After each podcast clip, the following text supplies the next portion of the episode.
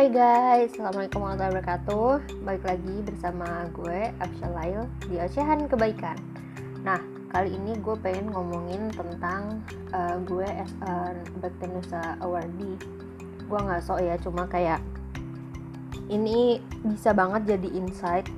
Karena gue dulu waktu pengen daftar itu nyarinya tuh emang ketika kan belum ada maksudnya Baktenusa tuh kayak istilahnya beasiswa yang masih berbasis sosial banget ya belum sebesar LPDP atau Chevening, DAD dan macam segala macamnya. Nah, uh, gue searching-searching itu gue belajarnya emang dari cara awardee yang LPDP. Nah, mungkin bisa banget lu aplikasiin ke situ. Cuma gue sedikit izin ya, bakal banyak banget bahas personally tentang gue sendiri yang mana termasuk sebuah apresiasi sih gue bisa berada jadi penerima manfaat bakti nusa ini karena gue memikirkan konsepnya aja tuh udah kayak ini mengumpulkan seluruh aktivis nasional gitu. Dan udah inputnya tuh udah bagus banget udah udah orang-orang yang terpilih. Nah pertama ini gue bahas dari postingan gua di Bakti Nusa ID di web sih. Pertama banget semuanya sih yang kita lakuin tuh pasti meluruskan niat.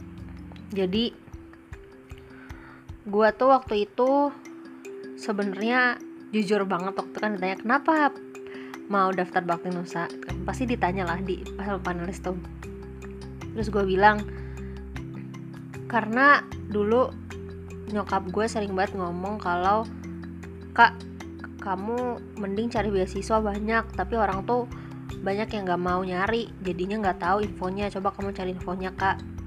Nah gue nyari ada sih cuma emang untuk yang gue tuh menganalogikan gue tuh hampir sama-sama kayak analisa so banget ya tapi dia tuh bilang kalau misalkan dia juga nyari beasiswa yang bisa buat dia tapi juga nggak mesti untuk yang uh, bukannya mendiskreditkan atau merendahkan ya tapi kadang tuh ada keterangan surat kurang mampu. Padahal kita tuh gak segitu-segitu amat cuma untuk ukuran keluarga yang menengah sederhana untuk ukuran yang pengeluaran di kedokteran agak meringis-ringis dan juga tanggungan yang lain itu termasuk dicari itu. Akhirnya um, dari situ dari semester 1 tuh gue udah kayak wow nih Bakti Nusa keren banget. Padahal itu gue boleh daftarnya waktu itu semester 5 jadi selama semester 1 sama 2 gue tuh belum dapat beasiswa. Cuma karena waktu itu semester 1 kedua gue tuh menang lomba. Terus pas gue daftar beasiswa PPA namanya di kampus itu gue keterima padahal IP IP gue tuh kecil coy. Nggak nyampe tiga setengah. Tapi gue berani daftar ternyata emang di situ uh, pendaftarnya yang kayak bisa dapat prestasi yang penting ada prestasi dan itu keterima. Alhamdulillah gue keterima jadi gue dapat lumayan cuan. Ya nggak seberapa sih kayak udah habis juga tuh karena nggak punya financial planner yang bagus waktu itu. Terus akhirnya gue mendaftarlah Bakti Nusa di situ gue emang insecure parah sih. Cuma yang membuat gue agak agak pride-nya naik dikit waktu itu gue diamanahin jadi sekretaris jenderal di BEM FKWNS nah itu yang membuat gue kayak ya mungkin mungkin. Karena di sana masih punya paradigma. Waktu itu waktu Nusa tuh kayak yang keterima tuh stakeholder stakeholder organisasi organisatoris. Gue sih sebenarnya bener-bener kayak nggak pantas banget sih jadi sekjen pun. Dan gue merasa jadi penerima manfaat baik bakti nusa tuh yang orang-orang keren-keren gue juga nggak pantas. Tapi gue percaya kalau Allah itu memberikan hambanya tuh punya kemampuan ya setiap orang punya kemampuan. Dan orang tuh punya pilihan jalannya sendiri. Karena gue posisinya di situ gue kayak belum tahu jalan gue ke mana dan gue merasa Bakti Nusa ini bisa ngelit ngelit gue banget ya jadi gue pilih Bakti Nusa. Gue nggak mengdewakan Bakti Nusa lu harus ikut Bakti Nusa lu harus kayak Bakti Nusa nggak. Cuma gue suka banget matrikulasinya tuh jelas dan menurut gue itu adalah um, pendidikan di luar kampus yang apa ya gue bersyukur banget bisa dapetin itu gitu. Jadi mentoring gue tuh masih belum cukup walaupun kayak udah islami menyeluruh um, kafah gitu ya istilahnya tap syumul. Tapi tetap aja ada sisi-sisi yang harus lebih digali dan itu termasuk turning point turning point gue selain dari Islam ya ini ke arah ke self development yang gue punya sudut pandang terhadap semuanya itu berubah tentang sosial, tentang komunitas, tentang gerakan, tentang leadership terutama, tentang gerakan, tentang movement. Nah, jadi gue itu takut tapi kayak ya udahlah kalau misalkan gue uniknya tuh gue tanyain kan semua penerima manfaat gitu. Kating-kating gue gue tanyain sampai walaupun ini agak privacy tapi mereka tuh baik banget sih. Ada beberapa yang ngasih ke gue cuma-cuma gitu. Jadi gue tuh udah sempet kayak buat draftnya tuh waktu semester 1 waktu itu punya Mas Syukri. Gitu dikasih terus kayak gue udah buat draftnya cuma belum selesai pastilah. Karena ya manusia begitu guys. Fitrah kita adalah the power of kepepet tapi nggak boleh jadi gue kayak baru nyelesain tuh sebulan pengumuman tuh udah ada sebulan cuma gue tuh bener-bener konsennya banget dua minggu. Gue tuh nulis gue maunya apa gue tulis karena terus gue juga nge-match nge-matchin sama yang penerima LPDP itu. Kayak mereka bilang lo harus tahu kenapa lo pengen jadi ini. Contoh lo kenapa pengen kuliah di Australia kenapa jurusan ini kenapa harus di Australia plus minusnya apa kenapa di universitas ini? Nah gue tuh jelasin dan gue tuh waktu itu masih pengen di University of Glasgow di Europe karena biaya murah terus itu klinis, clinical nutrition karena gue waktu itu interestnya emang di health sampai sekarang sih. Terus itu salah satunya. Dan gue juga udah jabarin mimpi gue mimpi studi ke depan apa gue tahu bener nih arah kebermanfaatan gue di mana karena untungnya gue tuh udah mulai interest gitu sih sama health yang itu linear sama apa yang gue jalanin itu kedokteran. Jadi gue kayak masih bisa lah. Padahal gue tuh kayak health kenapa ya gue pengen aja kurus waktu itu. Ya walaupun belum kurus-kurus ya. Gue pengen kurus terus gue pengen health gue mulai exercise segala macem. Nah alasan daftar beasiswa yang gue suka itu waktu itu kating gue pernah bilang kalau misalkan kan ini emang buat muslim ya. Tapi juga intinya um, pengen pemanfaatnya tuh punya nanti gambaran bagaimana beasiswa ke depan pendaftar beasiswa ke depan karena kurang lebihnya sama. Dan kalau nggak dipersiapin dari S1 susah. Kayak waktu di LPDP tuh bakal dikasih tahu e, kebermanfaatannya kalian ke mana ke depannya. Kalian mau bersosial di mana kalian mau ngasih apa ke masyarakat. Nah kalau itu, itu udah nggak strong dia mikir-mikir nih nih layak nggak sih gue kasih uang se segepok tapi cuma dibuang gitu aja ibaratnya? Nah terus yang terakhir itu afirmasi. Nggak ada yang dua terakhir. Afirmasi. Nggak ada yang tiga terakhir. Afirmasi diri. Gue tuh selama prosesnya gue udah kayak mikir gue keterima gue keterima gue keterima gue pede aja. Walaupun waktu itu pendaftar banyak banget ya. Seribu apa ya? Terus 100 dikat lagi terus jadi kayak berpuluh-puluhan dan gue kayak parah nggak pede sih nggak pede. Tapi gue tuh kayak menikmati setiap prosesnya. Gue bilang ke diri gue kalau misalkan lu salah lu jatuh tapi lu udah belajar. Kayak waktu itu gue buat proposal hidup ya nyampe 80 halaman cuy. Udah kayak skripsi aja udah ngalahin skripsi gue tuh. Tanpa daftar pustaka tuh kayak sama dah. Jadi gue tuh detailin rencana hidup gue rencana karir rencana studi rencana lain. Jadi rencana lain tuh kayak hafalan berapa gue olahraga berapa kali kayak perintilan-perintilan gitu pun gue tulisin. Dan gue seneng aja kayak gitu nge-planning tuh ternyata enak aja ya kayak lu punya gambaran ke depan lu mau ngapain jadi berawal dari manfaat yang gue dapetin di buat proposal hidup tapi sekarang kan udah nggak kayak gitu ya. Sekarang udah kayak lebih fleksibel dan gue nggak tahu ntar bakal ada lagi atau enggak ya lo tunggu aja berdoa aja yang banyak. Semoga platform-platform kayak ini bisa diperbanyak lagi walaupun walaupun belum dibakti nusa atau lo buat. Nah terus setelah proposal itu gue lolos coy di wawancara. Nah di wawancara ini gue bener-bener latihan apa aja pertanyaan yang sering ditanyain. Dan kebetulan alhamdulillah public speaking gue tuh udah lumayan. Walaupun ya mohon maaf ya emang gak expert banget sih. Cuma gue seneng aja kayak ngelihat audience gitu. Ya gue sering kayak gemeteran. Dulu awal-awal tuh kayak harus nyiapin berkali-kali. Dan ketika dapet tawaran walaupun kayak kayak semua orang juga bakal dapet. Waktu itu dapet tawaran ini. Ngisi materi di FKIP sebagai dari public speaking topiknya. E, sebagai rangkaian PKKMB atau kayak MOS masa orientasi kayak gitu. Nah balik lagi. Gue akhirnya bener-bener show off.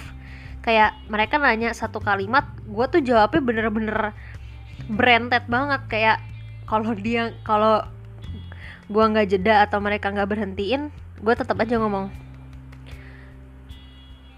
Nah ternyata setelah gue jadi kan Bakti Nusa tuh ceritanya punya anak gitu guys namanya Yulit.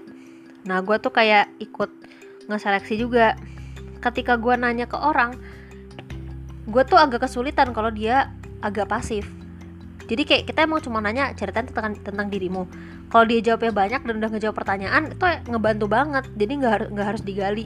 Nah gue tuh waktu itu entah kenapa berpikir gue harus nyablak senyablak nyablak ya. Maksudnya nyablak in a positive way ya. Jadi kayak disuruh ngejelasin diri gue jelasin terus kayak tentang profesi gue bener-bener passionate sama ya profesi gue gue bener passionate. Cuma di sana tuh kayak gue menggebu-gebu banget. Terus gue cerita tentang kenapa bakti nusa gue cerita kenapa pengen studinya ini apa apakah bakal lanjut studi. Terus gue kayak jelasin semuanya. Kayak gitu. Nah tapi yang terakhir itu tipsnya adalah keep calm and relax. Jadi apa pun yang terjadi bakal sesuai sama prosesnya gitu ya. Dan juga mempersiapkan dengan matang. Kayak semua beasiswa kayak gitu sih. Gue nggak tahu LPDP kayak gimana gue juga belum keterima LPDP tapi amin amin. Mereka sering bilang tentang persiapan. Oh gue juga ingat tuh waktu itu gue perjuangan bet bakti nusa itu sebenarnya kan nggak wajib dan kayak nggak saklek banget ya buat nge input tes TOEFL. Gue tuh sampai TOEFL ke Jogja coy sama temen gue cuma ya emang bakti nusa tuh bukan suatu hal yang bagus kayak gak bisa jadi indikator lu lebih baik daripada yang lain nggak sama sekali. Malah gue sangat appreciate dan gue adore banget sama orang yang dia tuh bisa berkembang tanpa bakti nusa gitu. Dan mereka punya nilai-nilai itu. Nilai-nilai bakti nusa tuh kayak integritas transformatif apalagi gue lupa ayo gue dimarahin. Tapi gue seneng banget sih kayak dari Bakti Nusa gue nggak tahu itu precious banget apa gimana. Cuma dulu gue ngeliat sih kayak kating kating tuh kayak precious banget sih. Cuma gue kayak um, banyak dihusnuzoni untuk menjadi pembicara cuy. Entah kenapa padahal ya gue gini-gini aja gitu. Kayak lo dengerin dari tadi nggak jelas banget kan? Ya gini lah kurang lebih gue diundang banyak banget di ya mungkin ada kali ya sebulan sekali. Karena itu yang gue tulisin juga tuh di proposal hidup gue gue pengen sebulan sekali paling gak um, gue ngisi ke lingkup yang lebih luas. Walaupun gue setiap pekan pasti gue ngisi AI gitu. Itu yang menjadi latihan juga sih. Jadi kalau misalkan lu pengen bisa jadi public speaker jadi influencer. Gue nggak influencer gue nggak public speaker. Cuma ya misal pengen itu memang perlu latihan dan perlu sebuah wadah lah. Paling enggak ya macam mentoring lu jadi mentornya atau lu ajak adik-adik lu yang mau dimentorin siapa gitu kan. Lu pasang di story eh ada yang mau mentor enggak gitu. atau enggak ada yang mau jadi temen diskusi. Kayak lo sosok jadi moderator ya. Kayak sekarang tuh udah community base sih semuanya. Apa pun bisa dilakuin. Apalagi di masa yang penuh ketidakpastian dan kalau nggak bisa dialihkan ke yang lain tuh bakal jadi depresi sendiri dan itu nggak salah. Karena ya kita fitrahnya sebagai makhluk sosial kita harusnya tuh bersosial tapi karena dibatasi dengan ujian ya itu nggak salah. Cuma bagaimana kita meresponnya aja. Kalau kata dosen gue staff SPKJ barusan banget nah jadi um, gimana ya gue ngomong tentang bakti nusa tuh gue bersyukur banget sih bisa jadi bagian dari itu karena yang terakhir lagi yang mungkin orang nggak sadarin adalah mencari koneksinya. Jadi walaupun uangnya cuannya tuh lumayan tapi koneksinya lo nggak bisa bayar gitu loh kayak koneksi tuh mahal banget. Mendapatkan orang yang bisa lo reach dan dia tuh punya pemikiran gak semua orang pikirkan itu tuh priceless coy. Priceless banget abis. Dan gue tuh kan awal kira kan gue nggak kenal kan sama penerima-penerima manfaat yang apalagi di Solo gitu. Tapi setelah gue kenal mereka ternyata mereka sangat fleksibel dan sangat menerima gue apa adanya. Karena gue tuh di awal pernah aja sih berpikiran ber, me, memposisikan diri kalau gue tuh ya udah beda aja gitu loh. Orang ngeliat gue tuh udah kayak uhti dan eksklusif. Tapi di sini gue belajar untuk ya biar aja orang ngomong kayak gitu karena emang mereka belum mengenal gue aja. Tapi sebenarnya gue welcome banget. Makanya ketika ada orang yang dekat sama gue dan dia itu masih ngeliat gue kayak apa belum punya judgement mereka pasti beda aja. Punya pandangan yang beda tergantung sih masing-masing orang. Jadi overall itu sih yang ngebentuk gue bisa jadi termotivasi untuk nulis, termotivasi untuk ngisi. Karena mereka tuh kayak punya monitoring dan evaluasi setiap bulannya lu harus berprestasi, lu harus mengisi, lu harus baca buku, lu harus mempersiapkan S2, lu harus udah kayak Amalia Umi tapi versi duniawi gitu loh guys. Kayak lucu banget kan. Dan ketika gue tuh tipikal orang yang gak enakan ya jadi ketika masa hisap hisap tuh kayak monefnya gitu di sidang gitu kan. Sama manajer-manajer panelis-panelisnya gimana kalian komitmennya dulu masuk sini gitu. Kenapa kalian gak bisa um, jadi pembicara? Kan bisa coba aja ngisi ini ngisi itu. Kenapa kalian nggak nyiapin? Kalian nggak punya waktu. Kenapa kalian nggak mencoba berprestasi? Kenapa kalian prestasi itu padahal bisa di di narasikan sendiri? Kenapa kalian nggak berlomba? Kenapa kalian nggak mencoba lomba? Padahal itu kesempatan kalian dan banyak hal yang menjadi pelajaran besar banget buat gue. Thank you Bakti Nusa. Dan untuk um, biaya pendidikan tuh menurut gue mahal ya guys. Dan menurut gue ini termasuk kewajiban pemerintah dalam memfasilit memfasilitasi. Cuma mungkin cara memfasilitasinya tuh ya nggak ke semua orang juga karena terbatas. Jadi untuk persiapan LPDP juga semoga kita bisa menyiapkan gitu loh dari sekarang. Entah LPDP entah beasiswa pendidikan profesi ke depan. Tapi kalau misalkan dapat beasiswa dari orang tua itu better sih. Udah kayak ya udah itu rezeki lo kayak gitu hope you enjoy this agak berbobot ya kali ini.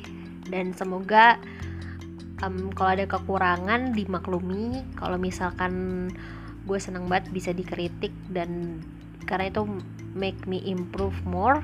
Thank you for this opportunities. Goodbye. Wassalamualaikum warahmatullahi wabarakatuh.